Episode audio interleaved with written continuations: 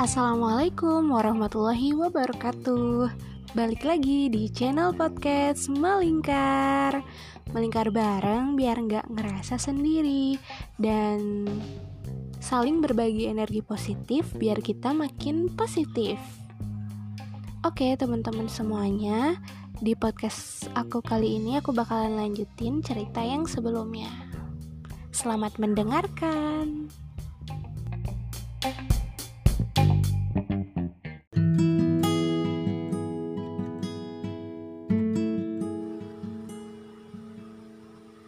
Cerita ini adalah lanjutan dari cerita Ana yang sebelumnya. Dan kali ini bercerita tentang jawaban yang dinantikan. Hari Ana ditemani dengan perasaan baru. Ujiannya belum usai. Diskusinya mulai ia kurangi. Bahkan hampir tak pernah lagi. Beberapa kali sempat bertanya pada ustaz dan ustazah tentang cara berinteraksi namun nyatanya segala pencarian jawaban atas pertanyaan hanya digunakan untuk sebuah pembenaran yang diinginkan.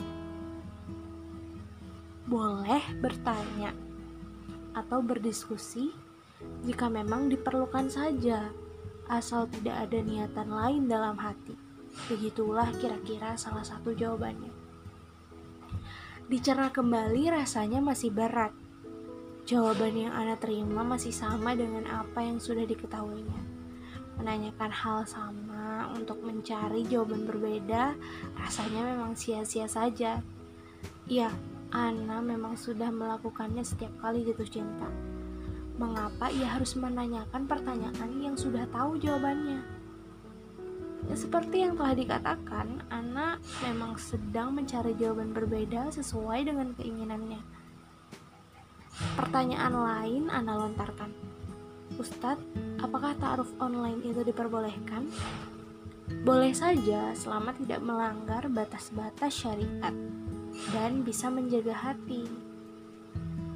Mencari jawaban berbeda untuk pembenaran rasanya mustahil bagi Ana.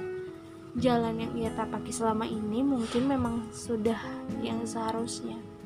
Dan muncullah pertanyaan ini.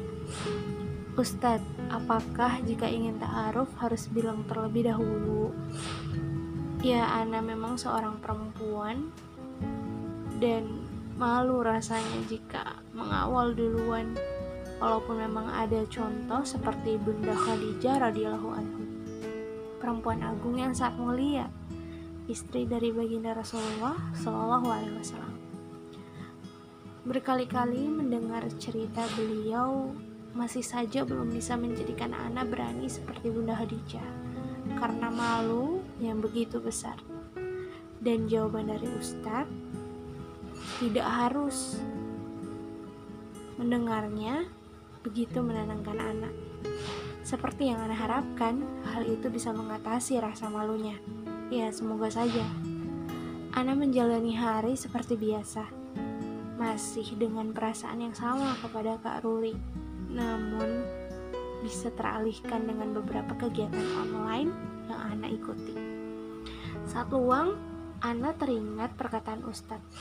Berarti boleh dong kita bertanya jika ingin mengenal dia, pikir Ana.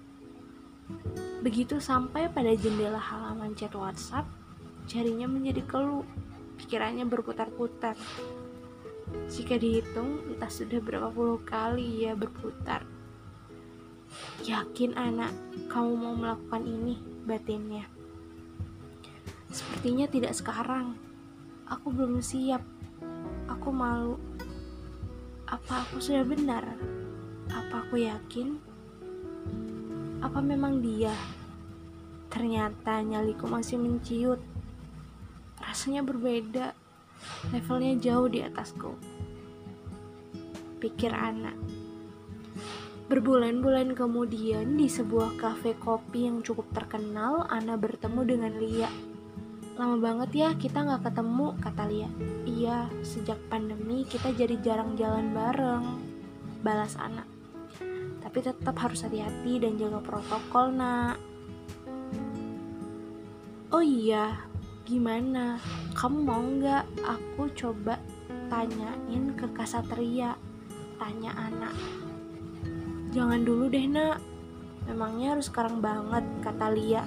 Iya nggak apa-apa, daripada kamu penasaran terus. Selama penantian, udah ada dua ikhwan yang mau menghitbah kamu, tapi semuanya ditolak. Iya, tapi kan aku nolaknya juga ada alasan, nak. Iya, karena kamu masih berharap kan sama Kasatria, sindir anak. Wajah Lia tertunduk beberapa detik. Kami pun terdiam. Coba aja nggak apa-apa, lagi pula kita berdua kan udah siapin diri untuk menerima apa pun jawabannya, kata anak. Ia memang pandai menyemangati orang lain, sedangkan dirinya sendiri masih ciut kalau soal nyali. Aku janji deh, gak bakalan sampai dia tahu kalau kamu ini tahu soal ini, bujuk anak. Oke, kalau gitu aku juga bakalan tanya ke Kak Ruri, balas Lia. Loh, kok gitu? Kan kita lagi bahas kamu. Ana mengelak. Ya udah sih nggak apa-apa. Kalau kamu nggak mau berarti aku juga nggak mau. Jangan gitu dong Lia. Please aku kan udah ikhlasin karuri maksudnya aku udah bisa biasa aja dan nggak terlalu berharap nah ya udah kalau kamu biasa aja seharusnya kamu nggak masalah kata Lia Ana benar-benar tidak bisa mengelak Kali ini mungkin memang sudah saatnya untuk berani bertanya agar perasaan itu bisa Anda tuntaskan dengan mengetahui jawabannya. Walaupun yang Anda tahu, sepertinya Kak Ruri tidak memiliki kecenderungan sama sekali dengan anak. Karena menurut pemikirannya, jika seorang lelaki memiliki kecenderungan kepada seorang perempuan, ia akan mencari tahu bagaimana perempuan itu dan seperti apa dia Nah, selama beberapa kali Ana bertemu dengan Karuri, tidak ada sama sekali atau bahkan satu hal yang Ana lihat bahwa Karuri ingin mengetahui lebih jauh tentang diri Ana. Memang itu baru sekedar asumsi belaka. Namun dalam lubuk hati Ana yang paling dalam, ia masih ingin mengetahui jawaban atas pertanyaan itu dari Karuri pertanyaan tentang bagaimana perasaan Karori dan adakah seseorang yang telah mengisi hatinya. Akhirnya hari itu pun Ana menghubungi Satria dan Lia menghubungi Karuri untuk mencari tahu mengenai perasaan mereka. Dengan menggunakan berbagai macam pertanyaan pancingan, akhirnya Terjawab sudah semua pertanyaan yang selama ini membuat mereka berdua penasaran. Satria tidak ada niat untuk menghitbah Lia, sedangkan Kak Ruri, ya Kak Ruri memiliki seseorang di hatinya. Dan yang jelas bukan anak, tapi salah satu teman anak. Perasaan anak kembali bertepuk sebelah tangan. Mereka berdua saling beradu tatap kemudian tertawa bersama. Entah kenapa, bukan rasa sakit yang lebih terasa, tapi lebih kepada perasaan lega. Lega karena Ana dan Lia mengetahui jawabannya. Lega karena setelah ini mereka bisa mengambil langkah selanjutnya. Ana mengulurkan tangan.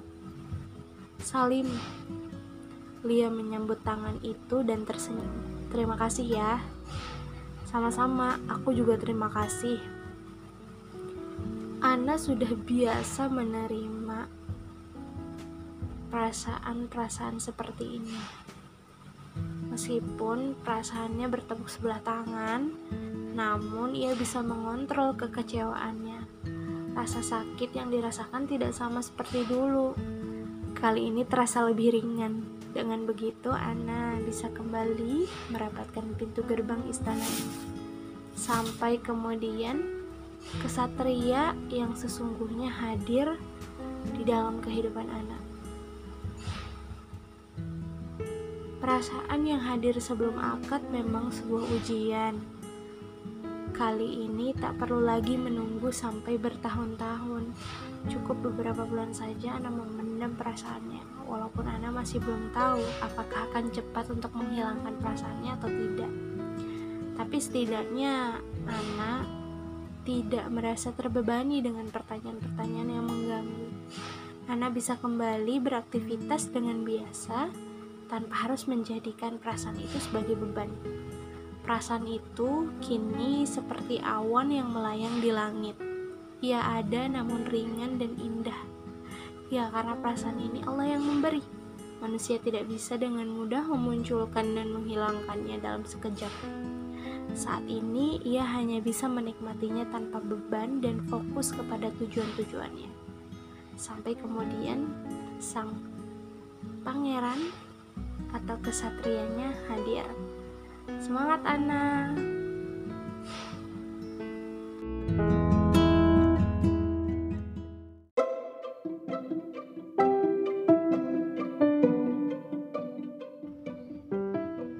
Jadi itu dia cerita dari Ana. Ada tiga episode yang cintanya bertepuk sebelah tangan Semoga dari setiap ceritanya bisa diambil manfaatnya dan diambil hikmahnya yang dengan itu bisa memberikan manfaat walaupun mungkin cuma sedikit ya. Oke, terima kasih yang sudah berkenan mendengarkan. Wassalamualaikum warahmatullahi wabarakatuh.